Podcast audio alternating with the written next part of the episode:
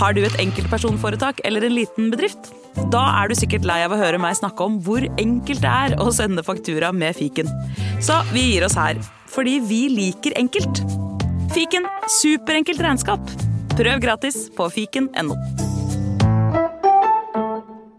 Hei, jeg heter Janne Heltberg, og i samarbeid med Evakuer barna fra Moria nå, vil jeg gjerne takke denne podkasten for at jeg har fått litt plass til å snakke om A Place In My Mind.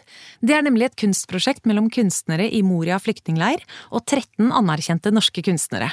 Hvert maleri fra Moria har blitt besvart med et nytt verk fra en av de norske kunstnerne, som for eksempel Sverre Bjertnæs, Joar Nango og Lotte Konov Lund.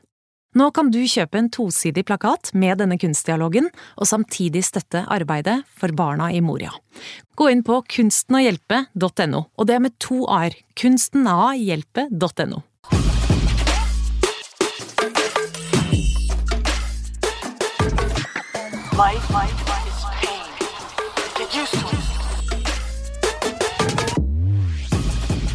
Velkommen til eh, Popkorn uten nåde, programmet som kaster eh, ballonger i glasshus. En litt annerledes episode denne uken, fordi etter eh, et skal vi si massivt folkekrav, eller i hvert fall fra to, da, så skal vi, skal vi bruke litt tid til å snakke om film, fordi det er det åpenbart veldig mange forbinder meg med, og det er for så vidt helt riktig, siden jeg jo er filmbrita, i tillegg til alt det andre jeg er. Eh, og med meg i studio har jeg Pia produsent. Hallo! Hei! Kan ikke jeg også få en ballong kastet på meg? Du kan også få en ballong. Jeg har en ballong her. Vil du ha Kan vi kaste en ballong på Pia, da? Én, to, boing. Yay! Var det deilig? Da er jeg med i popkornklanen. Klubben, ja. Det er du da. Det er helt riktig. Ja. Um, altså Ikke bare pga. de to henvendelsene jeg har fått om at jeg skal snakke mer om film, uh, så har jeg også oppdaget at Pia, til tross for at hun er et dannet menneske og har, har, kan mye om kultur, ja, en del. Noe. Noe, ja. Mm. så, så har hun hull i sin popkulturelle dannelse. Absolutt. Og da du spurte meg om jeg kunne begynne å tenke etter hvilke hull jeg hadde, så Mm. oppdaget jeg at jeg faktisk har flere hull. Altså, det er, det er mer at jeg har øyer med kunnskap. Å, oh, sånn, skjønner, ja. Jeg ja. forstår. Omgitt av enorme hav. Ja. Ja, jeg forstår. Ok. Uh, men fortell, for du ble jo litt inspirert av at jeg ville lage denne episoden, da. Mhm. Så i går gikk du og så en klassiker, sa du. Jeg gjorde det. Fortell. Jeg satte meg ned og så Jaws. Haisommer, altså. Haisommer. Ja. Haisommer. Jeg vet jo at du er en uh, Spielberg-fan Mhm. på din hals. Mm, Spielberg er gud. Spielberg er Gud. Um, så da satte jeg meg ned og så Jaws. Mm. Og jeg må jo si at jeg Jeg har jo hørt venner som fortalte at de etter å ha sett den ikke bada på ti år. Mm. Uh, der var ikke jeg. Og etter at jeg så den i går, så tenkte jeg Jeg satt vel mer og humret enn at jeg ble skremt. Det okay. er jo 20 år siden jeg så den, sikkert. Ja, nemlig. Hva humret du av? Altså For det første så opplevde jeg nok at eh, noen av karik kar ikke karakterene, for det har jeg lært av deg, det Mhm. heter ikke karakterer. Mm, mm. Noen av eh, Hva heter det, da? Rollefigurene. Rollefigurene. Takk. Mm. Var litt karikerte. Litt sånn tegneseriefiguraktige. Å ja, ok. Og dette er den slemme borgermesteren. For det- eksempel. Ja, ikke sant. Med anker, anker, anker, Ja, ankerdress. ankermønstre Ja. på, på dressjakka Ja, si. det er jeg klar over. Som er så dum at du bare tenker at dette er Ja. Kona var også til dels eh, ja, veldig god, gammeldags kone. Med Og kona til og Kona sheriffen. til sheriffen. Ja. Og du opplevde det som skaut? Ja, sånn, der, vet, sånn, sånn som man hadde på 60 Som kvinner Ja, ja, ja. hadde på 50-60-tallet rundt håret. Sånn skaut. Jeg opplevde det mer, har alltid opplevd det mer som en sånn eh, egentlig veldig trend-ting. At det, hun, de er på den øya, og de er så avslappet nå i forhold til sjøen, så hun bare tar på seg et lite Ja. sjal. ja, sånn. jo, det kan Ja. du si. Også med altså, veldig velfrisert hår. ja, ja. Som jeg også alltid eh, Som jeg tenker Ja. Det var det også, ikke minst Quinn. ja, ja. Som også var så knallhard, Mhm. hardbarka haifisker. Mhm. Jeg måtte le litt av han òg. ja. Mm. Men du forstår hvorfor han er hardcore? Ja, Når- han var jo hardcore. Når han forteller om hvordan det var å ligge i vannet Etter å ha blitt eh, torpedert under annen verdenskrig. Ja. Og bli spist Etter av å ha levert Hiroshima-bomben Nemlig. og ja. ble spist av tusen haier, Ja. nesten. Ja. Ja. ja da, jeg ser Jo, jo, men jeg er enig. Eh, eh, litt mer om Haisommer. Altså det som gjør at jeg elsker den Uh, Altså det jeg ler av nå, bare sånn at jeg er enig med deg at det er noen ting å le av, det er jo selvfølgelig uh, haien. ja. Som man ser er en pappting. Mm. Klippet inn med hai uh, Med vanlige haibilder. Det, det, det er jo ikke en hai. Det må man bare ignorere. Men den sekvensen som alltid altså, gir meg gåsehud, er jo når de sitter på stranden etter å ha fått det første haivarselet, og det Mm. er noe i vannet, er det ikke noe i vannet. ja. Og så Spielberg som på altså, guddommelig vis plukker opp de forskjellige situasjonene rundt omkring på stranden, ikke sant? Det er jeg enig i. Det, var, det er når du sier det. Mm. Jeg skjønner hva du mener. Utrolig bra spenningsbygging han klarte å gjøre der. Ikke sant? Og du vet, og du vet at han har i vannet, men hvem kommer han til å ta? Mm. Hunden, øh, som den unge mannen leker med, eller den gamle mannen som kommer svømmende, eller det Som man lille- trodde var en hai. Ja, det trodde man også. ja. uh, eller den lille gutten, eller barna, eller hvem er det, liksom. Mm. Og så sitter han der, og så begynner han å slappe av. Vår venn sheriff Brody begynner å slappe av. Og så plutselig Mm. Den Altså, han har brukt en lang linse, en zoom-linse, sånn at det føles både nært og langt unna på samme tid. Når da Ah. madrassen går i været, den gule madrassen Ja. går i været, Og du bare ser noen sorte skygger, eller ikke sant? Mm. Og, i en, og, og vannet er eh, Det er en geysir av blod. Og den lille gutten, du ser madrassen bare slynges rundt, og den lille gutten, og så wow, er det borte. Ja. Og så den berømte uh, uh, tracking-filmingen hvor han da kjører ut og zoomer inn på ansiktet til Unnskyld, han kjører inn og zoomer ut. Å Når gud, det la jeg ikke merke til. Nå får jeg lyst til å se den igjen, kjenner jeg. Mhm. Det er det man må snakke med deg før man Nemlig. ser klassikere. Ja. For å forstå hva man skal se etter. Mm. Fordi det har jeg ofte tenkt på. Jeg, jeg jobba jo en del med film før, altså reklamefilm og var produksjonsleder og sånn. Mm. Og vi så innmari mye reklamefilm. Men det der å forstå eh, Å forstå eh, hva det er som skjer. Mm. Hvorfor jeg blir påvirket. Hvorfor jeg blir redd. Hvorfor jeg blir rørt. Mm. Hva er det, hvilke, hvilke teknikker er det de bruker for å oppnå den følelsen i meg? Mhm. er jo et veldig fascinerende fag. Veldig. Og litt skummelt, fordi hvis man blir for opphengt i det, så Det har lurt på, blir du litt ødelagt? Altså at ja. du ikke klarer å I mange år var leve deg inn i filmene? Absolutt. Ja. da jeg var ferdig på universitetet i Stockholm og hadde studert filmvitenskap, Mm. så var jeg bare helt sånn Jeg kommer aldri til å glede meg over noe igjen noensinne. men men så, så løsner det, fordi pensumet som man har vært igjennom, de filmene er ødelagt for alltid. Men Ja. det kommer jo nye. Det kommer nye. Ja? Og du klarer Og da leve deg klarte klarer man å leve seg inn i det. Ja, veldig bra. Men jeg har lyst til å spørre deg om én mm. ting til når det gjelder Jaws, Mm. som jeg også reagerte på flere ganger. Og det var bruken av musikk. Mm. Fordi det er et par sekvenser når de er ute og jakter på haien, mm. disse tre. Eh, hvor de har skutt på en eller to sånne bøyer. Ja. Eh, ikke sant? Mm. Og, ja. og så er det sånn Ja, ja. Og jeg hadde tenkt at der burde det være Nei, nei. Det Det er en rar bruk av Det har du helt rett i, men det er med vilje, fordi der den eh, musikken illustrerer deres eh, eventyrlyst og, og spenning og glede over at wow, vi, tar, Ja. vi har den. ja, for det var sånn, Jeg fikk sånn Indiana Jones-assosiasjon. det. Ja. Mm. Men uh, det er en måte å liksom få oss til å slappe litt av før all horroren begynner. Fordi Aha. disse tre gutta er jo på opptur. De er sånn Ja. vi skal ta den, liksom. Ja, ja. Og se, vi har klart å skyte harpunen inn, og nå sitter Mm. bøyene Eller tønnene. Mm. Uh, Tønnene var det. tønnene. Mm, mm. Men Spielberg ville jo opprinnelig ha eh, vakker musikk. Da han snakket med John Williams om dette soundtracket, så ville han ha liksom hver gang Haien viste seg, så skulle det liksom være drømmende fioliner, og det skulle være så vakkert, liksom. Ah. Og John Williams sa nei. Nei, nei, nei, nei, nei, nei, nei, nei. Og så begynner han å spille den derre primitive dum, bom, bom, bom. Og Spielberg bare Jeg skal aldri kreve noen ting av deg igjen. Aldri. Du skal få bestemme alt heretter. Akkurat, for det er blitt en eh, er en klassiker, av et uh, soundtrack. Absolutt. Og det frustrerende er jo selvfølgelig at mange ikke engang vet hvor det kommer fra, eller ikke har sett filmen, men som plutselig går rundt og sier bom, bom, bom, bom, bom, bom, bom, bom, bom. Se filmen før du begynner å bruke uh, dette soundtracket. Det er det jeg mener. Men du var flink. Flink, flink, flink som, som eh, frivillig gjorde hjemmelekse. Ja. Det er veldig bra. Men uh, Haisommer, folkens, den kan man alltid se om igjen. ja.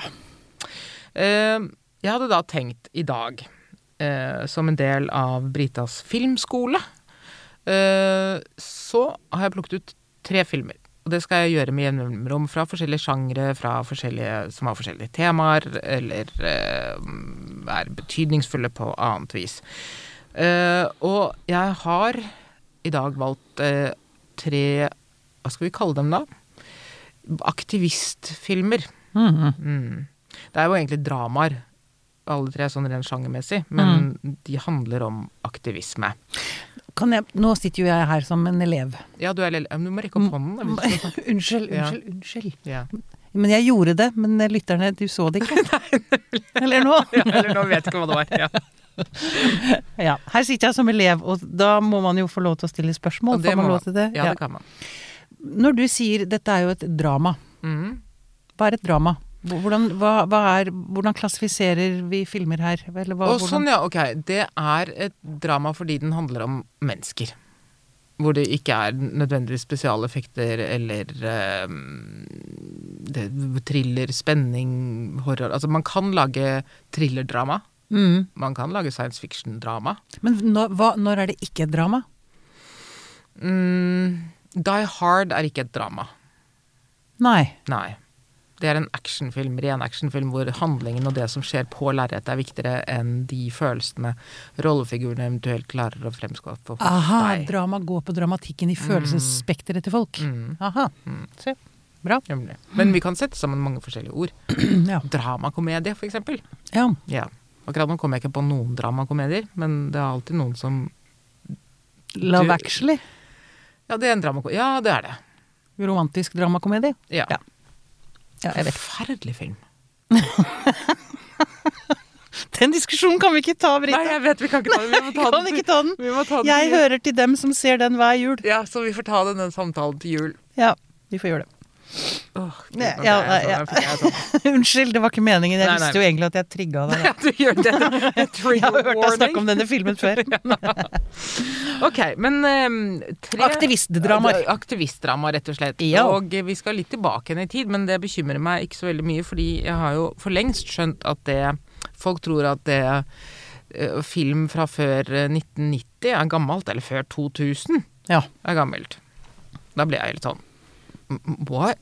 Det er det jo ikke hvis du ikke har sett film. Du må, altså, man må jo se gammel film for å forstå hva ny film er. ja.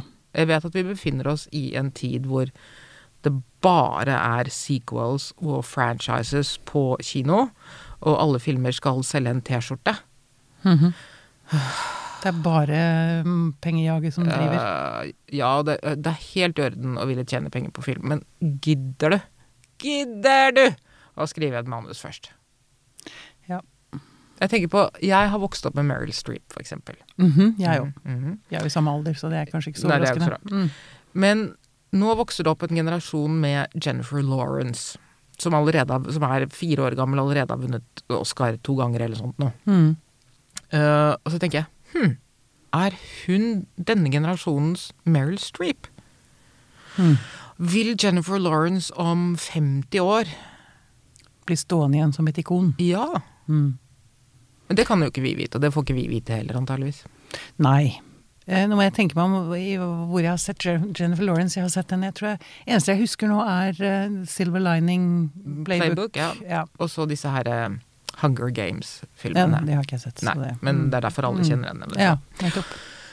Um, men hun er veldig søt og dyktig og ah, strålende skuespiller. Men man, man blir sånn Ja, kan du bli Er du Meryl?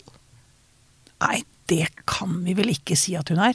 Jeg har ikke tenkt på det du sier nå. Nei. Men jeg, altså, hvis jeg skal begynne For det er Jennifer Lawrence du tenker er den som kunne liksom Som, som er såpass stor i folks bevissthet nå at de, hun kunne sidestilles med Meryl Streep. Ja. Hennes størrelse på 90-tallet. 80. 80, Mm. 90, 70 til og med. 70, ja. Men mye 80-talls. Det er riktig. Ja. Men ja, ja, jeg tror hun er, hun er den. Eh, Selv om Meryl brukte litt lang tid på å gjøre både komedie og action, men da hun først gjorde det, så viste hun jo at det, hun var minst like god til det som til alt dramaet som var før, og kostymedramaene og aksenten og alt dette her. Mm. Uh, men da mm, liksom fikk litt selvironi og Ja. Altså. Nei, altså hun, nå sitter jeg og blar gjennom filmkatalogen i huet mitt og alt jeg har sett henne i. The River Wild, hvor hun da gjør River action. Wild, ja, stemmer det. er så digg. Ja. Kan Men, ja. Mm. Nei, Vær så god. du får eventuelt klippe vekk dette, men jeg, bare, det er en annen ting som har plaget meg lenge. Nå blir vi litt sånn feminismeaktige her. Mm. Men eh, to store filmer med Meryl Streep er um, Out of Africa. I had a farm in, In Africa. Africa. Karen Blixens historie. Mm er den ene. Og um, Broen i Madison County. Mhm. Begge de to filmene der mener jeg er Meryl Streep Altså ikke bare skuespilleren Meryl Streep, men karak... Nei, rollefigurene hun spiller. Avlæring av uh, feil kunnskap, altså. Det er ikke gjort i en fei. Nei. Nei. Men uh, i begge de to filmene så er det mannen som kommer først på rulleteksten. Mhm. Clint Eastwood i Brone og Robert Redford i uh, Midt-Afrika. Mhm. Veldig irriterende. Ja. Utrolig ikke irriterende. Provoserende. Mhm. Hvordan, hvordan forsvarer man altså, Meryl ikke- Streep, det handler jo om Karen Blixen. Det er jo Karen Blixens historie. Ja. Hvordan kan de da sette Dennis Finch Hatt-Hutton Ja, ja, Først. nei, men det er jo ikke, jo, men det er jo ikke som rollefigur han er størst. Det er jo som det, er- han var Robert Redford, verdens største filmstjerne. Ja, ok. Og samme Clint Eastwood. Det er derfor. Det er rett og slett det. Kan også kanskje ha noe med alder å gjøre. Kan, det kan jo være at de er plassert først fordi de er eldst. Ja, ok. Det, er, det, er en, det er en hyggeligere forklaring på det. Eller så er det en, simpelthen en forhandling som Robert og Clint har gjort med studio om at det Eller at de har det i kontrakten sin, at de skal være top billing. Ja. Ok, nå skal jeg prøve. Nei, nei, men det, er, greit, men det er, det er helt lov å stille sånne spørsmål. Ja, men det er Eh, bra. Som man lærer. Dette er filmskole. Ja, nettopp, nettopp, nettopp. Og nå skal jeg være the obnoxious student. Ja, det kan du være. Bare ikke, bare ikke kast papirkule på meg. Nei, det skal jeg ikke gjøre. Jeg skal heller gi deg et eple, jeg, Ja, det kan du gjøre. Ja. Um, ja, tre aktivistfilmer. Og grunnen til at jeg har valgt aktivistfilmer, er jo fordi uh, vi lever i en svært polarisert tid. Mhm. Eh, hvor redselen for å lage eh, kulturuttrykk, produsere kulturuttrykk som har en mening, eh, er veldig stor. Folk blir lett krenket Mhm. og provosert. Og enten du er, da blir du enten kommunist eller fascist. Det er de to ytterpunktene vi åpenbart har i vårt samfunn i dag. Akkurat. Så jeg er ikke engang sikker på om disse tre filmene ville kunne ha blitt laget i dag uten en eller annen form for selvsensur av studioene. Mhm. Men disse er da laget på slutten av 70-tallet og begynnelsen av 80-tallet, hvor eh, til og med Hollywood-studioene hadde eh, eggstokker til å tørre å produsere filmer med Kult uttrykk. Kult uttrykk. -hmm. ja, filmer med politisk innhold. Og det er jo selvfølgelig 70-tallet som legger grunnlaget for dette, fordi hele USA var jo i opprør etter Watergate og Vietnam og eh, 68-opprøret, Woodstock, altså seksuell revolusjon, feminisme, alle disse tingene der. Så hvis, man, hvis Hollywood ikke hadde vært på den ballen, så hadde det jo vært tragisk. Men, men det var de. Og øh, regissørene hadde ganske fritt spillerom med hva de fikk lov til å lage. Ja. Og det var jo fint. Det er ikke, øh, nå lages jo filmer by committee, som det heter. At det sitter en t- testpublikum og tester filmen i hjel før den kommer ut. Nei, men jeg tror ikke jeg likte det. Jeg syns ikke det var så fint. Uh, vi, jeg ble provosert. Nei, nå ble jeg litt krenket. Ja. Nei, nå, nei, dette, ja. Mm. Tror, tror, tror du at dette vil slå andre veien etter hvert? Vi må jo det. håpe det. Ja, altså det har jo for så vidt slått andre veien med at det, alle de mm, regissørene som har et politisk eh, standpunkt, eller ønsker å gjøre noe mer enn å bare lage T-skjorter, Mm. uh, velger HBO og Netflix og strømmetjenestene. Ja, nettopp. Oliver Stone og hans likemenn. Ja, Steven Soderberg og Ja, og Oliver er David Fincher og sånn. Ja, Mm. de går til strømmetjenestene, ja, selvfølgelig. For jeg sitter og tenker, jeg, jeg ser jo politiske budskap, men det selvfølgelig, det ser jeg jo på strømmetjenestene. Mm, når så du et politisk budskap på kino på sist? kino. Det er lenge siden jeg har vært på kino, så det er vanskelig å si egentlig. Men, Ikke sant? ja, Nei? nei. Så da er vi der. Så um, la oss starte. Vi begynner i 1979. 79, ja. Eh, med en film som heter Norma Ray. Ja. Mhm. Vag erindring. Ja, Jeg husker en kvinne som var mørkhåret. Det er det jeg kan si, egentlig. det er helt riktig. Sally Field. Sally Field var det, ja! Selvfølgelig. Mm. Ja. I hovedrollen som Norma Ray. Denne filmen er basert på en sann historie. Eh, det er da Ja, det er en sann historie. Eh, det var en artikkel i New York Times som het Crystal Lee, A Woman of Inheritance, som ble skrevet i 1975. eh, som da handler om denne kvinnen som jobber på en Nå husker jeg plutselig ikke hva det er. Jo, hun var sånn fa fabrikkarbeider. Ja, Ja, den denne kvinnen kommer tilbake til meg. Tekstilfabrikk. Tekstilfabrikk, ja. Ja. Mm, det husket jeg ikke, men Nei. jeg husker henne som fabrikkarbeider. Ja. Mm. Uh, og Sally har da fått den rollen. Det er klart at det var jo hundrevis av andre eh, Hollywood-skuespillere på samme tid som ville ha den rollen, fordi alle skjønte at dette Dette var årets Oscar-rolle. Kom til å bli svært, ja. Mhm. Ikke sant. Men ironisk nok, Sally Field var en av de store.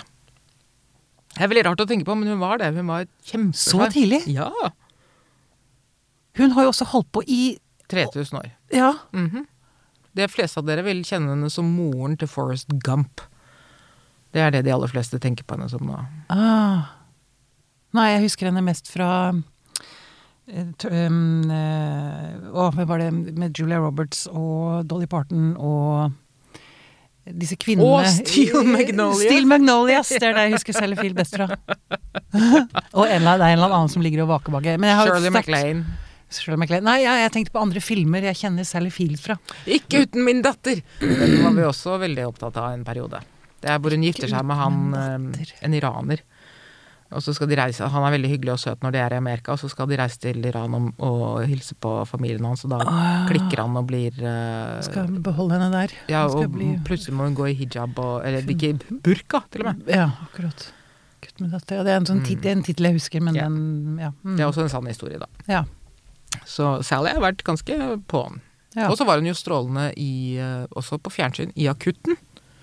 Var hun i akutten? Ja, som, eh, som eh, moren til en av sykepleierne. Den bipolare moren til en av sykepleierne. Å, har hun spilt bipolar? Jepp.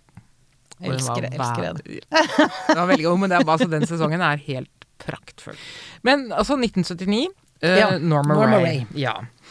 Uh, og dette er da fortellingen om eh, eh, Norma Ray som jobber på en tekstilfabrikk. Hun har to barn med forskjellige fedre. Den ene er død. Og livet hennes er jo ganske ræva. Ja. Altså kjedelig. Slitsom, masete, uh, sånn. Men hun har jo sånne Hun er en troublemaker, da, så hun har sånn raid hvor hun innimellom klager på hvordan det er å jobbe på fabrikken og sånn. Ikke, ikke sånn Ikke veldig politisk, nødvendig, men hun er litt sånn der Stikker nesen sin inn i ting. Arbeidsforholdene hun klager Ja, på, liksom. ja. Mm. Og eh, for å slippe at hun skal mase, da, eh, så forfremmer de henne til eh, en sånn derre kontrollør av noe slag som skal passe på, som skal passe på de andre arbeiderne. Mm. Og, at de fyller kvotene sine og sånn. Mm. Og hun blir jo glad for den lønnsforhøyelsen og den forfremmelsen, men oh, konsekvensen er jo at det, alle de andre arbeiderne, selv hennes egen far, som også jobber på fabrikken, fryser henne ut. Ja, hun blir en trussel for hun er en av sjefene. Ja, plutselig så vil de ikke ha noe med henne å gjøre. Mm. Og dette er ganske hardt for henne, så da øh, blir hun sånn nei, spark meg. Jeg vil ikke ha det sånn, spark meg. Men istedenfor å sparke henne, da, så plasserer de henne på gulvet igjen. Uh, og så er det noen sånne kjærlighetsting. Hun treffer en mann eller to menn, og hvem skal hun velge, og mm. kan hun ta imot kjærlighet? Så det er litt sånn der kan- Romantisk wishwash. ja. Er, nå kan vi jo sånn i ettertid kan vi jo si at det, ah, jeg tror kanskje Norma hadde klart seg best aleine. Hun trenger jo ikke en mann for å være lykkelig. Men på den annen side så er det hyggelig fordi at hun oppdager at det hun er, elskbar, til tross for at det hun er, vanskelig. Ja. Så det er jo for så vidt hyggelig. Mm. Eh, og så kommer det inn eh, fra venstre, kan vi jo si. Fra venstresiden, da selvfølgelig. Folk som vil eh, Folk, vil, folk som vil folk vel. ja, Som vil at det skal være en fagforening. Ja. på fabrikken. Og det er jo, blir jo et helvete, det også. Men hun blir veldig grepet av å ha hørt en tale da fra en eller annen fagforeningsdude, og så blir det sånn Dette må vi få til. Og igjen scener som er viktigere enn andre scener, selv om denne filmen jo er gjennomført eh, produksjonsmessig, klipp, lys, kostymer, tidsramme, alt sånn. Men dette er kanskje en av de viktigste sekvensene i denne filmen, er jo hvor hun eh, klatrer opp på bordet, på et av bordene i fabrikkhallen, og så holder hun opp et skilt, og på skiltet så står det Union. Altså fagforening. Ja. Og hun bare holder, hun holder dette opp rundt, sånn at alle kan se det, alle de hundrevis av fabrikkarbeiderne som er der. Og man vet jo ikke Kommer hun til å nå frem til dem eller ikke? De syns den er vanskelig, de syns den var teit. Og så, én etter én, slår de av maskinene sine til det er helt stille i fabrikken. Den er altså fantastisk. Nå får jeg frysninger. Mhm. Og det er bare måten, Åh, det er bare måten hun holder skiltet på. Hun holder skiltet på en sånn desperat, insisterende måte, som om hun roper. Men hun sier ikke et ord. Nei, akkurat. Hun bare holder det. Og ditt de våger å holde det lydbildet. Mm. Ikke overøse, ikke, ikke noe effekter, ikke bare Nei. stillhet. Mm. Ah, så får bra. jeg lyst til å se den. Ja, får ikke sant? Ja. Men nå må jeg spørre deg, hvem Mm. er det som Er det noen kjente regissør, en kjent regissør? Du, det er Martin Ritt, og han er jo selvfølgelig kjent. Nå kommer jeg bare på Midnight Run med Robert De Niro og Charles Grodin, men Mm. Martin Ritt er også en av de store fra 70- og 80-tallet. Ja, men Han, er, han er ikke veldig han er, Det tror navnet tror jeg aldri jeg har hørt, Nei, faktisk. det, mm, øh, du vil legge merke til det hvis du har Altså, da, da vi på denne tiden så så vi jo Vi måtte jo gå på kino for å bli underholdt, så vi så jo stort sett alt når det kom nye ting. Ja.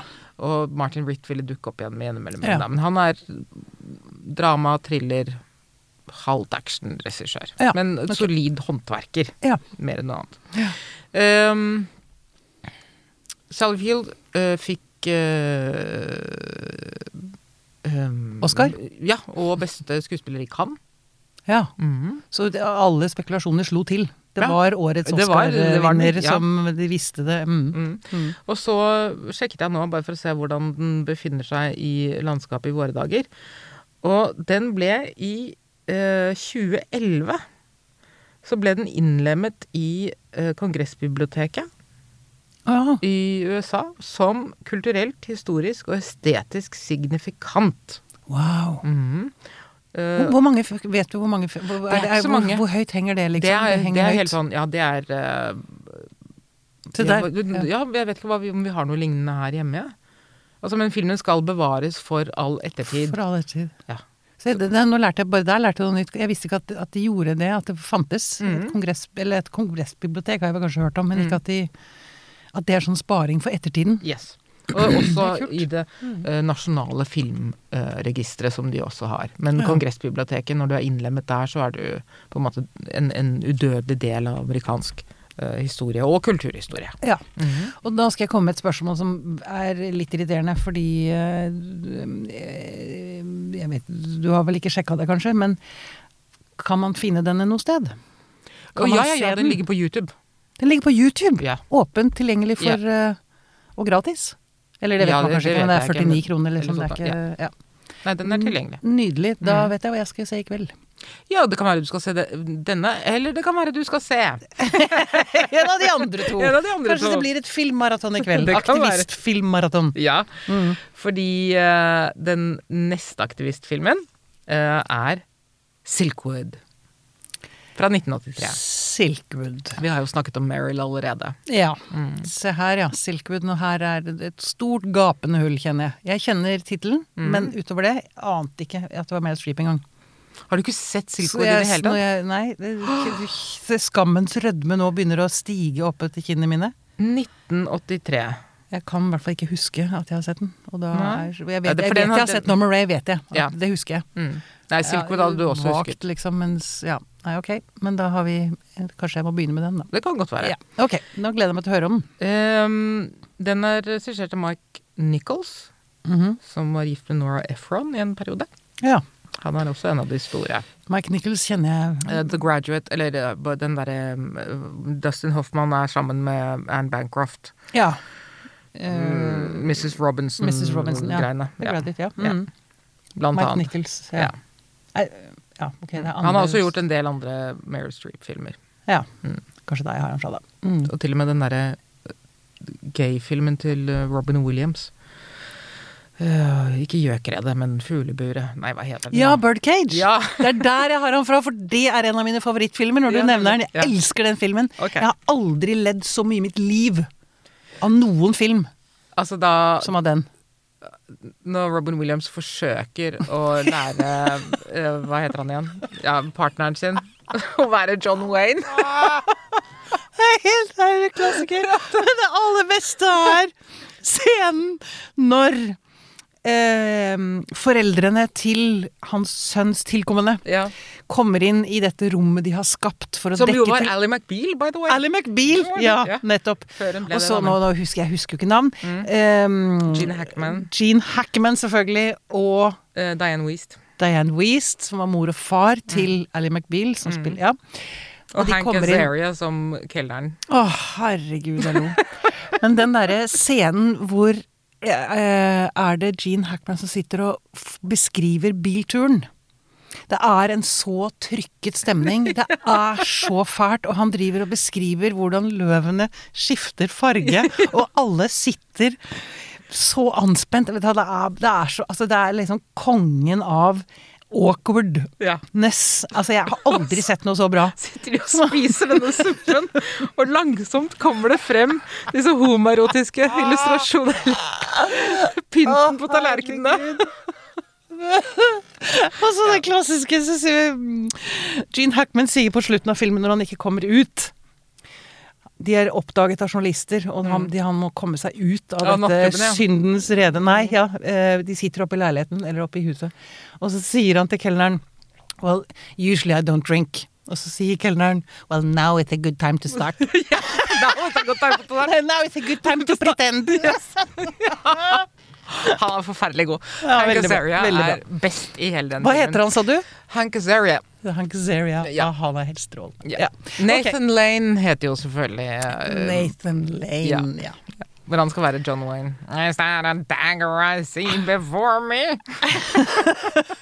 Dette, denne, denne lille passiaren her, er det, hvis man ikke har sett denne filmen, så skjønner man ikke en dritt. Nei, man gjør jo ikke det. Men da må man bare se filmen. Hvis man ikke får lyst til å se den. Ja. Så, ja. Men det var da altså Michael Nichols uh, som eh, også laget den da som har regissert Silkwood. Eh, dette er da også basert på en sann historie. Fortellingen om Karen Silkwood, som eh, Det er fabrikkarbeidere, selvfølgelig. Som eh, jobbet på et atomkraftverk. Og kvinner. Mm. Ja, kvinner. Mm, Mm, absolutt. Mm. Eh, og hun var vel heller ikke spesielt uh, aktivistorientert. Hun røyka tjall med Hun hadde en roommate som var Cher. Ok. Ja, det er kult, det. Før alle operasjonene. Ja, ja, ja. Uh, og kjæreste med Kurt Russell. Ah. Så Karen Merrill hadde vel mer enn nok med det. Men uh, der jobber hun da på dette atomkraftverket. Og Eller atomkraftverk, det Jo, det er jo. Eller er det lager de Er det der de lager disse her eh, atompinnene? Er Det er uraniumspinnene som skal Ja, ja, ned i ja, ja, ja. atomkraftverket. Ja. Det er det de gjør. Men det er noe atomkraft. der vil de ha det er noe- mye stråling. Mye stråling. Ja. Farlige greier. Ja, farlige greier. Mm. Og hun øh, blir vel preste, eller hun møter en fyr som vil at hun skal se litt nærmere på arbeidsforholdene der, og om dette øh, selskapet øh, følger reglene og sånn. Mm. Og mm, hun blir jo etter hvert øh, Skjønner hun jo at det, Oi, jeg jobber på et sted som kanskje ikke er spesielt sunt. Mm. Du må bare spørre deg, Ja. var dette også bygget på en sånn historie? Ja. Ja. Jeg Mhm. husker ikke om du sa det. Mm. -hmm. Ja, det er, Det er det. Da er det ekstra, da er det ekstra spennende. Det er det. Og så begynner hun å grave litt rundt, da. Og lover um, han øhm, fyren fra New York, som vel også har noen fagforeningsting, og, og skaffe ham materiale om hva de gjør med dette, hvor mye stråling blir de ansatte utsatt for, for, og trygge rutiner og altså i det hele tatt.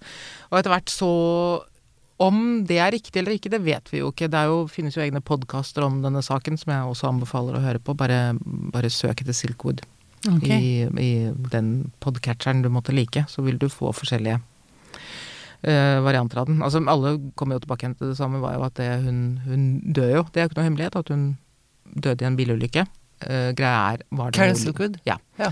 Var det en ulykke eller ikke? Aha. Det er det som er ting. For hun er da, uh, etter å ha samlet alt dette materialet som viser hva dette atomkraftselskapet var i stand til å gjøre og var villig til å utsette de ansatte for eh, Hun blir jo til og med invadert hjemme, fordi plutselig har hun De planter jo Jeg vet ikke om man kan plante stråling, men jeg antar at noen Ja. har vært i leiligheten eller i huset og, og, og mm, ødelagt matvarene sånn at det skulle se ut som hun var den slurvete.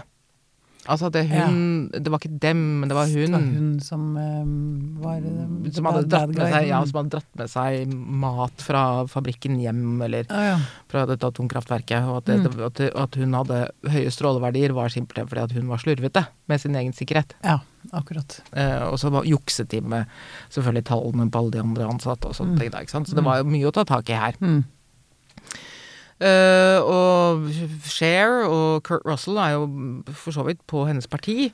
uh, men også litt sånn Nei, åh, gidder du? Det er, er det ikke litt masete, og er det verdt det? Og sånn. Er du villig til å ofre forholdet ditt til Kurt for å gjøre dette? Og Kurt er litt furten, men samtidig så støtter han henne.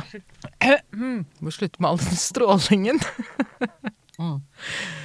Nei. Ja. Eh, og så Og Cher er jo egentlig forelsket i Karen, da.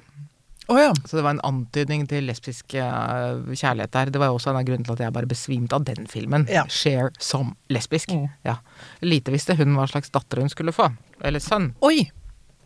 Nå forteller du noe jeg ikke vet noe om. Da må Å vi ta et lite avstikker der òg. Ja, det må vi. Um, Chers datter Chastity eh, var lenge lesbisk. Men etter en Jeg er jo ikke sikker på hva det heter i våre dager. Jeg er ikke sikker på om jeg krenker noen eller ikke. En kjønnsskifteoperasjon Ja. heter hun nå Jazz. Aha. Han, unnskyld. Han heter Han. Jazz. Jazz, Jeg lurer på om han var med i Skal vi danse. Amerikanske versjonen av Skal Skal vi ja, danse. Ja. Hm. Se der. Ja. Men Chastity, som Shares datter, vanket på lesbiske nattklubber i Los Angeles. Som en helt vanlig person, selv om Cher var mamma. Akkurat. Mm, veldig rart. Ja. Jeg hadde Men ikke altså, klart for- å gå ut hvis Cher hadde vært moren min. Da hadde jeg bare blitt, jeg bare blitt så skrudd. Men ikke, kjente ikke folk til eh, datteren hennes? Altså, Kunne hun eh, bevege seg rundt i gatene som en normal Ja, mann? å la oss si det sånn at uh, Chastity lignet veldig på sin far. Ja. I Bono. Det var jo ikke en pen mann. Ja, Det Nei, ok. Nei, ok. Skjønner. Men eh, ja. Nei, altså jeg må jo bare si, som en- igjen avstikker i avstikkeren, at eh, herregud så glad jeg er for at jeg ikke er barn av en kjendis. Ja, uh, Ver verden Å, for meg. Ja. jeg er helt enig. Mm. Selv om jeg er helt sikker på at jeg ble forbyttet som barn, og at det eh, Carolina Monaco egentlig er moren min. ok. Hvorfor Carolina Monaco? Eller er det Grace? Ja, du er, søs du, er, du er søstera til Karoline og Stephanie. Ja, Karoline kan ikke være moren min, for vi er nesten jevnaldrende. Eller hun er jo ti år eldre enn meg. Hun kunne ikke ha fått barn da hun var ti. Nei. Da er det nok Grace. Du vil være datter av, du er datter av Grace av Monaco. Ja, er prin prinsesse av Monaco, egentlig. Prinsesse av Monaco. Mm. Hvorfor akkurat henne? Jeg vet ikke. Det, det har blitt Det er meg bare- fort jeg, Det ble en greie da jeg var liten. Ja, ok. Skjønner. Ok, nå kom det. Ja. Anyway, er ordet man leter ja, det er etter det der. Eh, tilbake igjen til Karen Silkwood. Um, og dette er også, hvis vi da skal snakke om spesifikke scener uh, Karen sitter i den bitte lille Honda Civicen sin for å møte han fyren for å levere disse, denne mappen med eh, dokumentasjon som hun har på alt juks og fanteri som Mm. finnes sted på denne atomkraftfabrikkverket. Eh, og uh, man kan man, man formelig ser at det hun har gått gjennom en, en utvikling fra å liksom være bare jobbe og være litt laus og sånn, til å ha fått en misjon. Ja. Uh, og så Det er kveld og alt mulig, og hun setter seg i bilen for å kjøre. Og så er det biler bak henne. Eller er det ikke biler bak henne? Jo, det er en bil bak henne. Og nei, den kjører forbi.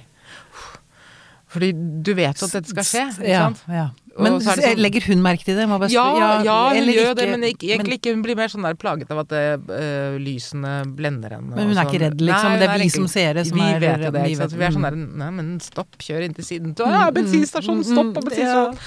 Uh, og så er man sånn Man vet at dette skal skje, og så tenker man gud, hvor mye av det må vi se? Mm. Må vi se mye av det. Mm. Og det Mike Nichols velger å gjøre, er jo for hver eh, bil som kjører bak henne og blender henne eh, i, i speilet, så han kjører han litt nærmere, eller han zoomer litt nærmere inn, litt nærmere inn, litt nærmere inn. Og til slutt så, når mange nok biler har kjørt forbi, så blir vi sånn der, ok, men kanskje det ikke var akkurat her? Ja. Kanskje det ikke var akkurat denne kvelden? Husker ikke helt.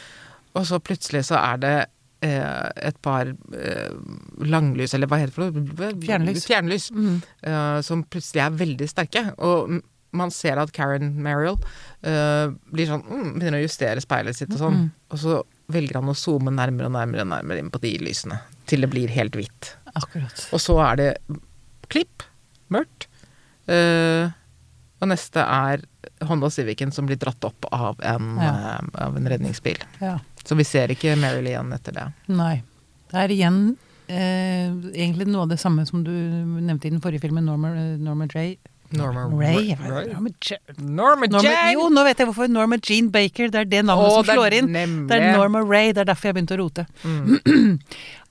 Understatement Ja. er det lekreste som fins. Mm. Når man må Show, don't tell, Ja, som det jo heter. Mm. Og, og, og, dette gjøres også uten spesielt kraftfull musikk. Ja.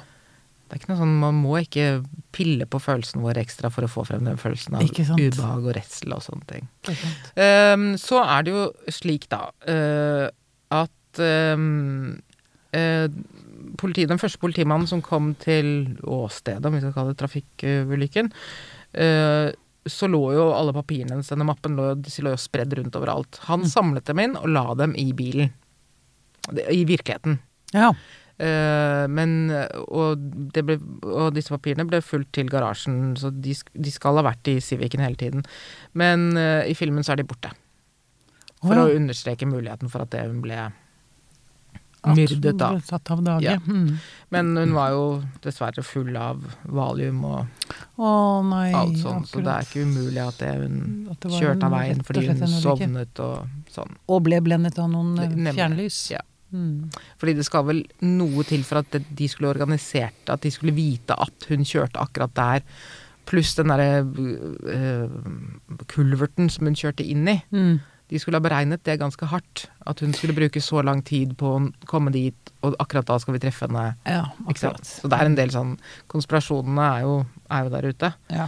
Men uansett så er det jo en tragedie at Karen Silkwood øh, ble drept, og at det, man ikke helt vet hvor øh, disse papirene ble av. Men øh, øh, Og så man vet ikke det i dag, hvor papirene ble av? nei. Nei. Altså om de ble borte på verkstedet eller Ja, okay. Men det er, det er ingen som har stjålet dem. Altså, det, er ikke, det er ikke noe sånn, det er ikke en sånn konspirasjon. Nei.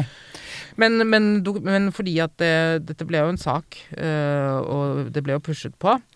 Øh, og uh, vel hennes øh, nærmeste da, som saksøkte selskapet for 10 millioner dollar, som var forferdelig mye penger i, uh, på 70-tallet. ja, så, sier- ja, Si at det fortsatt er en del penger, jeg, da, men det er det jo. La oss Mm. si hva er det for noe? Det er 100 millioner. ja. 100 millioner. Mm. Men det ville jo ikke dette selskapet være med på, så de laget en sånn avtale utenom, så de fikk 1,3 millioner dollar i stedet. Altså 13 millioner i stedet for 100. Ja. Men det du sier er at hennes jobb, hennes eh, aktivisme, Mm. skapte varig endring. Absolutt. Ja. Ja, ja, ja. Å, himmel ha. Hun er en helt. Hun er en helt. Eh, fordi plutselig så var det sånn Oi, kanskje vi skal ha sånne Geiger-tellere på jobb, da? Ja. Så vi kan sjekke hvor høy denne strålingen er, og Ja. vi skal slutte å grave ned ting i bakken, eller Mm. ikke lyve litt. Det, kanskje vi skal slutte med det også. Mm. Men altså, det er jo en industri som fremdeles er ganske stor i USA. Ja. Og men så må jeg bare uh, si her at det, er det er en film dette minner meg om. Mm. Og det er Erin Brockovich. Ja. Av det nyere. Det er, det er litt samme, bare Absolutt. at Erin Brockovich ender litt bedre for Erin- protagonisten. Nemlig. Mm. Det gjør det jo. Erin Brockovich er jo fremdeles i full vigør. Mm. Og saksøker left and right. Ja. Men det er vi helt for. Jo, men det er noe av det samme. Absolutt noe Mm. av det samme. Mm. Um, at det er, det er disse kvinnene, altså både, både Norma Ray og eh, Karen Silkwood og Erin Brockovich, er sånn uh, rettferdighetssøkende. De begynner ikke som det. Nei. De begynner som l- altså, dårlig betalte fabrikkarbeidere. Ja, og, og, Og helt vanlige folk. Ja. Det er jo det, det som er kanskje det mest inspirerende, da, tenker Nemlig. jeg. Og som har barn litt her og litt der, og rotete forhold til kjærester og alt sånn. Langt fra perfekte folk. Ikke sant. Som oss flest, som De aller fleste av oss. Aller fleste av oss. Mm. Og så plutselig, når det kreves noe av dem, så bare Ja, dette gjør jeg. Ja. Dette kan jeg. Vi er for aktivister. Vi er absolutt for aktivister. Mm. Uh, den uh, tredje og siste aktivistfilmen, da skal vi litt tilbake i den tid igjen. Vi er tilbake i 1979. Mhm. Godt aktivistår, vil jeg si. Og det er jo selvfølgelig Kinasyndromet. Ja. The China Syndrome. ja. Den husker jeg. Den, Den, husker jeg. det, det, den husker jeg så på kino. Mm. Jeg tror vi så den på kino med klassen, ja. I Oh, Sverige. Ja, Jeg tror det var pensum. ser Så vidt det, jeg altså. husker nede på ungdoms... eh, ungdomsklubben. Ungdomsklubben, ja. ja. Ja. Da så dere Kinasyndromet. Ja, altså, Mm. Kinasyndromet bør være pensum på alle mulige måter. Mm. Uh, vi befinner oss jo uh, i um, fremdeles i atomindustrien. Ja. Gjør vi jo. Mm. Um, hovedrollene spilles av eh, Jane Fonda, Mm. Michael Douglas og Jack Lemmon. Å ja! Jeg husker Jane Fonda, men Mm. gutta husker jeg ikke. Nei. Yes! Ja. Bra, trenger jo ikke å huske dem. Michael Douglas er fotografen, og Jack Lemmon er eh, formannen på uh, atomkraftverket. The Plant. The Plant, yes.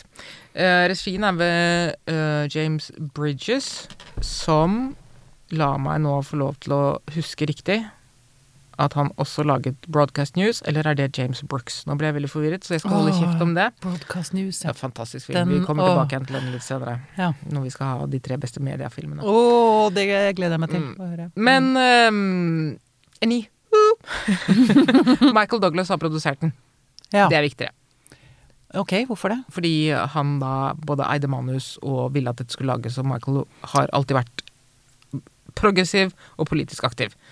Så for ham var dette et eh, standpunkt. Akkurat. Å ta at denne filmen skulle produseres. Ah, jeg liker å høre sånt om uh, kjendiser. At de Mm. er uh, At de vil noe Ja. med det de driver med. At de Nemlig. ikke bare skal flyte rundt på champagne.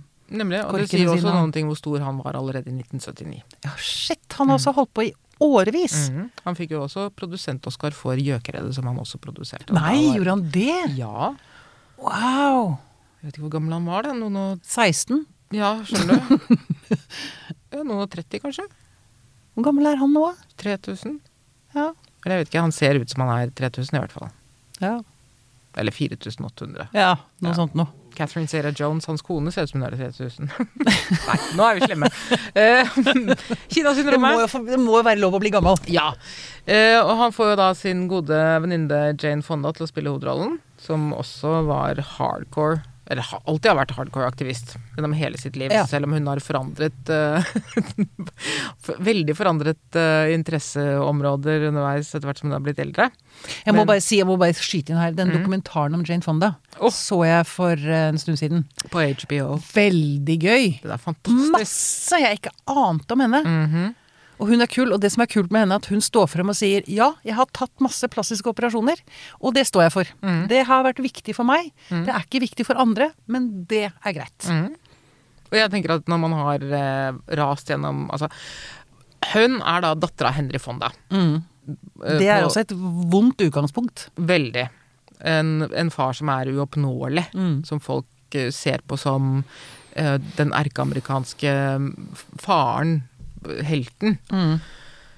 Uh, så, og mor begår selvmord. Å ja. Mm. Ja, det stemmer, det stemmer Ja. det. Nå husker jeg det. Mm. Og så vokser hun opp og drømmer om å være, bli fars Øyensten. Ja, og det, han har jo ikke tid. Han er jo fjern og orker ikke. Akkurat som Grace Kelly. Unnskyld. Ja, nemlig. Mm. Vi får se hva det blir av dem. Eh, Så da blir hun jo første og beste mannen hun finner, kaster hun seg over, og det var vel han franske. Um, Ja, han som ah, laget. Barbarella. Ja, han som laget, nei, han som laget Barbarella.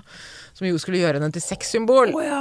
Ja, ja, ja, ja, ja. Det var før hun Ja. ble sammen med aktivisten. Ja, ja, ja. Ja, ja, ja. ja. Nå, Og ja, ja, ja, ja, ja. Og så lager hun noen sånne grimme, heslige Ah, stemmer det. filmer. Nei, Cat Ballou er jo strålende. Strålende komedie. Men dette var før Jane Fonda visste hvem hun var, og så treffer hun jo han um, Hayden. Tom Hayden. Tom Hayden. Du er Altså- så god på å huske navn! Det imponerer meg sånn. Blir hun aktivist. Fordi det var han også. Han var politiker. Ja. Og hele 70-tallet er bare en endeløs rekke med altså, arrestasjoner og protester og kjempeskandalen når hun lot seg avbilde sammen med uh, Viet Cong. Uff, i, i et, med en mitraljøse, en Viet Cong-mitraljøse rettet mot amerikanske fly. Det, er, Det var veldig ikke helt gjennomtenkt. Nei, det var jo det ikke der, eh, eh, Nei. Nei, det var jo ikke det. Men på den annen side Der fikk hun seg en real eh, backlash. Hun ble kalt Hanoi-Jane. ja. Skulle arresteres for Richard Nixon gikk aktivt inn for at hun skulle arresteres for landsforræderi. Han var jo klin gæren. Men hvordan havna hun inn, inn i det, dette bildet? Det husker Nei, jeg at jeg hørte Nei, hun var jo bare Hun var invitert til Jeg husker ikke hva hun hadde laget, eller hva det var, men hun var jo, hun var jo om ikke kommunist, men hun var jo så langt ute på venstresiden som man kunne komme i amerikansk politikk. mm, Og Vietnamkrigen, hun hadde møtt mange Vietnam-veteraner og var lei seg på deres vegne og syntes at denne krigen var helt horror. Og mente at det, den beste måten å demonstrere hvor jævlig den er, er å besøke den andre siden. Ja, Ja, ikke sant. Og så sitter hun og er venner med dem. Ja. Mm. Ja, ok. Eh, Så utvikler vi da i tillegg seriøse spiseforstyrrelser og alle mulige andre psykiske lidelser ved siden av. Så kanskje dømmekraften hennes ikke var helt Mm. god. Men den er fall god nok til å si ja til Michael når han ringer og sier uh, 'Jane, baby'. Vi skal lage denne filmen her, 'Kinasyndromet'. Og det var etter. Det var i 1979. Det Ja, var etterpå. etter ja. selvfølgelig. Og hun var fremdeles kontroversiell. Mm. Eh, men eh, han var modig nok, antageligvis fordi de var på samme politiske trappetrinn, eh, til å si at det måtte være henne. Mm. Og hun er da eh, TV-reporteren TV Kimberly Wells. Rødhåret for anledningen. Mhm. Og hun har da de teiteste jobbene på ø, stasjonen. Hun er den som må lese festtelegrammer, eller «Å, skal vi lage en reportasje om en tigerunge som ble født, og hei, her kommer det Noen har funnet opp bellygrams, som er telegrammer skrevet på magen til folk. Mm. Så, ja, forferdelig. Uh, men så får hun et tips om en sak, uh, noe med et uh, et atomkraftverk. Hvor det har vært en hendelse eller et eller annet, og så ber hun, tigger hun om å få lov til å dra, og lage den saken, da. Om- Endelig noe ordentlig, liksom. Ja. Mm. Nei, det har ikke vært noe der. Hun vil bare lage en, en sak om at det, hva som foregår i atomkraftverket. Hva Ja. det betyr. For det er nett ganske nyåpnet. Ja, Altså, det, er ja, ikke, det er sånn, ikke noe drama ennå. Nei. Nei, okay. ok. Unnskyld, jeg tar feil. Mm. Så drar de dit, da, hun og Michael, og, og møter uh, folk der, og det er kjedelig, og Michael er tydelig sånn derre Åh, gud, dette er jo tåpelig reportasje, vi må være mer kritiske. Og hun er bare sånn nei, nei, nei, vi må ikke Jeg skal lage en seriøs reportasje. Ja. Ikke kødd, ikke Ikke- ødelegg nå. Mm. Og så får de lov til å filme inne på kontrollrommet, eller de står utenfor eh, oppe på publikumsplassene og ser ned i kontrollrommet. Eh, Og de hører ikke, det er ikke noe lyd inn til kontrollrommet, de kan ikke høre hva de sier i kontrollrommet, men mens de er der, så skjer det åpenbart noe. Mm. Mm. Eh, et eller annet, De ser at folkene inne på kontrollrommet bare begynner å løpe frem og tilbake og er helt fra seg. Jack Lemmon som blir helt lilla i fjeset. Og så står Michael Douglas med kamera, som han skrur på. Sånn, Det er ikke lov til å filme der, men han bare Men skrur han bare på. skrur på. Men de, siden de ikke kan høre noen ting, så vet de jo ikke hva som har skjedd. Men det har, eh, det har vært en vibrasjon under testingen av uh, turbinene. Mm, hva slags vibrasjon? Det vet jeg ikke. Så drar det tilbake igjen til eh, TV-kanalen, og hun sier her har det skjedd noen ting, og TV-sjefen er jo selvfølgelig sånn som borgermesteren i Høysommer. Nei, det er ikke noe farlig. Eller nei, vi tør ikke å gjøre noe med dette. Hvis du ikke har lyd, så kan vi ikke, og de ikke vil kommentere, så vet vi ikke hva dette er. Liksom. Jo, men det har jo skjedd noen ting. Nei, det vet vi ikke. Mm. Så da oppsøker hun og Michael eh, noen eksperter som da introduserer oss for begrepet Kinasyndromet. Ja. Som da ikke er en virkelig ting. Bare sånn folk vet det. Mm. Det sånn at For dette er ikke bygget på en sann historie. Nei, det er det ikke. Det er fiksjon. Det er fiksjon. Mm. Men uh, visstnok så kan Altså det man tenker er at det eh, når en atomreaktor eh, får en sånn nedsmelting, Mm. at den da smelter tvers gjennom jordkloden og kommer ut igjen i Kina. er det det det betyr? Ja! Akkurat. Så det er ikke en virkelig ting. Det er ikke en virkelig ting. For jeg tenker, hvis vi hadde et atomkraftverk Eller har vi atomkraftverk i Norge? Hadde. Nei, Nei, vi hadde vel noe i Halden, hadde vi ikke det? Kjelsås? Vet ikke. Ikke Jo, det er noe i Halden, det er noe i Øst, Østfold, Østfold Østfold, ja. Og det er derfor de har den reelle det kan hende. Stråling. Det er Strålingen. Strålingen. Det er strålingen som er Men-. Men hvis vi skulle hatt et som da smeltet, Mm. tenker jeg vil ikke det gå rett ned til Hva er på andre punktet av Norge? Ja. Er det, er det alltid Kina som er på andre siden av kloden, liksom? For alle land? Nei, det er det jo ikke. Det kan jo ikke være Det kan det jo ikke være. Men USA og Norge er jo et godt stykke fra hverandre. Så fra USA så kan det være Kina. Ja, ok. Men fra Norge så ville det vel kanskje heller være Brasil. Ja, godt poeng. Brasil-syndromet. Brasil-syndromet skulle vi gjort den i Norge. Brazil syndrome. Brazil syndrome. Ja, det høres ikke så kult ut som The China syndrome. Nei. Med, med bra, brasiliansk wax. Det er Brasil-syndromet. Det, det, er- det, er de røde prikk- det er de røde prikkene du får i lysken etter at du har hatt en Brazilian wax. Det kan være den norske, norske Ja. svaret på kinosyndromet. Ja. Med Ingrid Bolse Berdal i hovedrollen. Som Det er vinnerpående. Her er vinnerpående, Brita. Ja, som journalisten som får røde prikker i lysken etter å ha vært utsatt for en Ja, ok, jeg ser det for meg. Nok om det. Ehm, jo, eh, og de skjønner jo da at dette er, det har skjedd noen ting, og at det er fare på ferde ved dette kraftverket. Men de vil jo ikke høre på henne, disse sjefene i kanalen. Så hun går direkte til Jack Lemmon for å spørre han om han er villig til å stå frem. Mm, og fortelle hva som hadde skjedd. Hva som hadde skjedd. Og han vil jo egentlig ikke det, for han har jo lojalitet til selskapet, han også. Mm. Men han holder også på med en slags sånn etterforskning på si, fordi han blir også hindret i å etterforske dette fra innsiden. Å, så han har også en god, en Han, god har, han, han er vet sånn jo. Mm. There was a vibration! Hyler han i en spektakulært flott scene. Eh, så sitter jo han eh, hjemme og ser på røntgenbildene av skjøtene eh, i reaktoren. Mm. Og det er jo også en av disse scenene. Ah. Som Altså Det ser helt alminnelig ut, det han holder på med. Vi, vi skjønner jo at han leter etter her. Denne skjøten er hel, denne skjøten er hel. Han ser på røntgenbildene, og så plutselig er det bare sånn Oh, oh. Han går tilbake igjen og ser og holder opp og ser og holder opp, og så er det det samme bildet av den samme skjøten. De har bare kopiert ett bilde. Ah, Alle bildene er helt like. er helt like. Og da, da bestemmer Her er gåsehudpunktet mm. igjen i filmen, yes. skjønner jeg. Eller ett av dem. Mm. Ja. Og da bestemmer han seg for å møte henne, da. Akkurat. Mm. Og så lider han samme skjebne som Karen Silkwood. Å nei. Mm. Nesten. Men ja, han blir forfulgt. Han blir- De vet at han har funnet ut uh, av røkenbildene Men han tar da Han bestemmer seg for å ta kraftverket som gissel. Ah. Mm, han vil, det, det, det, er helt, det er helt Det er veldig ubehagelig å tenke på at ja, det er 40 år siden jeg så den. Mm. Det er kanskje ikke så rart at jeg ikke husker dette. fordi han vil jo ikke at de skal uh, kjøre kraftverket helt full power. For da vil det skje. Da vil Denne- skjøten da, ryke. Da vil skjøten ryke. Mm. Eh, Så det er jo en dramatisk slutt på dette. Vi skal ikke mm, pille for mye i akkurat den, men eh, dette er fortellingen om en kvinne som blir aktivist ved å ha opplevd eh, dramatiske ting, Mm. og som også blir tatt på alvor som reporter fordi at det hun ikke gir opp. Og det er en av Jane Fondas absolutt beste roller. Ja, Oscar-nominert, vant ikke. nettopp. Og da må jeg stille det samme spørsmålet. Det glemte jeg å spørre om på Silkwood. Mm. Er denne, Kan man finne den? Du, vet du hva? Strømmetjenester rundt Du, omkring? nei, Kinasyndromet er en av de vanskelige. Den, øh, øh, den finnes på DVD. Den Ja. finnes ikke på YouTube. Den finnes Å nei, ikke på noen av jeg strømmetjenestene. Jeg vet det. Men den er tilgjengelig på DVD. Ja. DVD-spiller har jeg ikke lenger. Så det, Jeg vet at folk ikke har det, men det, husk, ikke kast DVD-spilleren din. Nei, Det finnes gjør Det er så mange filmer som du har lyst til å se, som ikke finnes på noen av strømmetjenestene. Ja.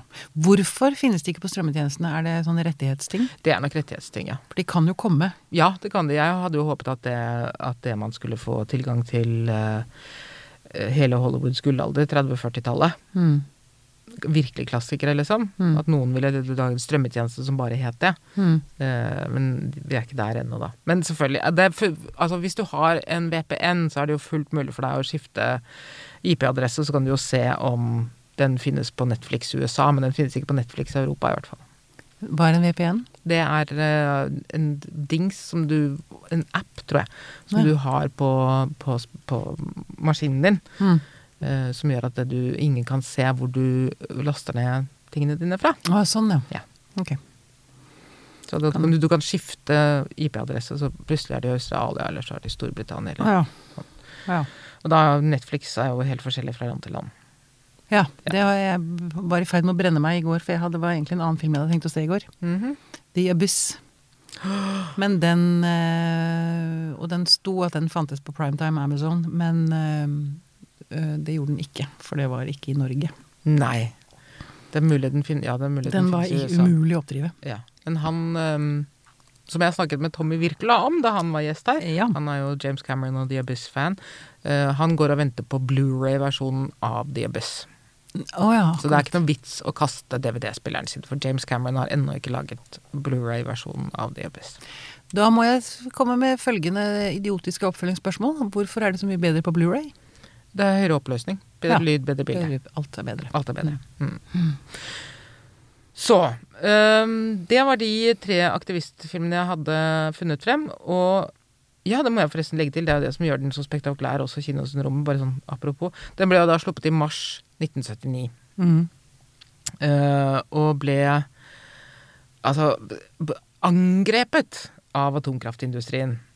Som sa at dette her er bare tøv, fiction, og det er et karakterdrap på hele den seriøse amerikanske atomkraftindustrien. Det som kan redde oss fra forurensning, som kan redde oss fra å være avhengig av utenlandsk olje. Mm. For de hadde jo vært gjennom en vanvittig oljekrise i USA dette tiåret øh, på 70-tallet. Så atomkraft var liksom redningen. Tolv dager etter premieren så eksploderer det på Three Mile Island utenfor New York. Det var den største kjernekraftulykken i amerikansk historie. Da sprakk en av reaktorene på Three Mile Island. Du tuller! Tolv dager etterpå! Det er helt vanvittig. Ja. Snakk om timing, holdt jeg på å si. Ja, det var det de ja, De fikk jo kjeft, da. Filmselskapet fikk jo kjeft for å liksom eh, bruke Three Mile Island til å selge mer, mer Mm. men det er ikke sant. De trakk faktisk filmen fra ganske mange kinoer fordi det var så dramatisk. Ja. Så de ville ikke bli liksom ikke, nei, At noen skulle skjønner tro at de Mm. misbrukte det. Skodde seg på den. Men uh, jeg kan ikke forestille meg noe annet enn at eh, Michael Douglas var bare Hå! Men det er jo helt forferdelig! Det er jo helt fantastisk! Det er jo helt forferdelig! Det er Ja, helt ikke fantastisk! sant. Ja. Når eh, virkeligheten overgår kunsten. Skjønner det. Mm. We love it. Helt sprøtt. Ja. Så pensum eh, for uh, mine popkorn der ute, og for, de, for dere to som da ba om denne spesialepisoden, så er det altså uh, Silkwood fra 1983 og Kinosyndromet og Norma Ray fra 1979. Veldig bra. Mm. Veldig bra. Det var veldig Ja. Ikke glem at vi har en Instagram-konto som heter Popkornpodkasten. Da kan man gå inn og gjøre ting man gjør på Instagram. Følge. Ja, det er det man gjør. Og så lærer man noe. Det gjør man Blir man inspirert. Det gjør man også. Og så mm, får man lyst til å se film. Nå får jeg lyst til å se film. Så bra. Nå er arbeidsdagen slutt, kjenner jeg. Den er det. Bare gå hjem og binge nå. Ja. Og jeg har så mange spørsmål Ja, men vi til andre filmer. Oi, oi, oi, oi, oi. vi- Det er det Ja. Mm, Britas, det Britas filmskole dukker opp igjen her i Popkorn uten nåde. Programmet som kaster ballonger i glasshus. Takk, Pia produsent, for at du ville være elev. Juhu! Jeg har lært masse. Det var veldig gøy. Så høres vi neste uke. This is Ripley, last survivor of the Nostromo. Signing off.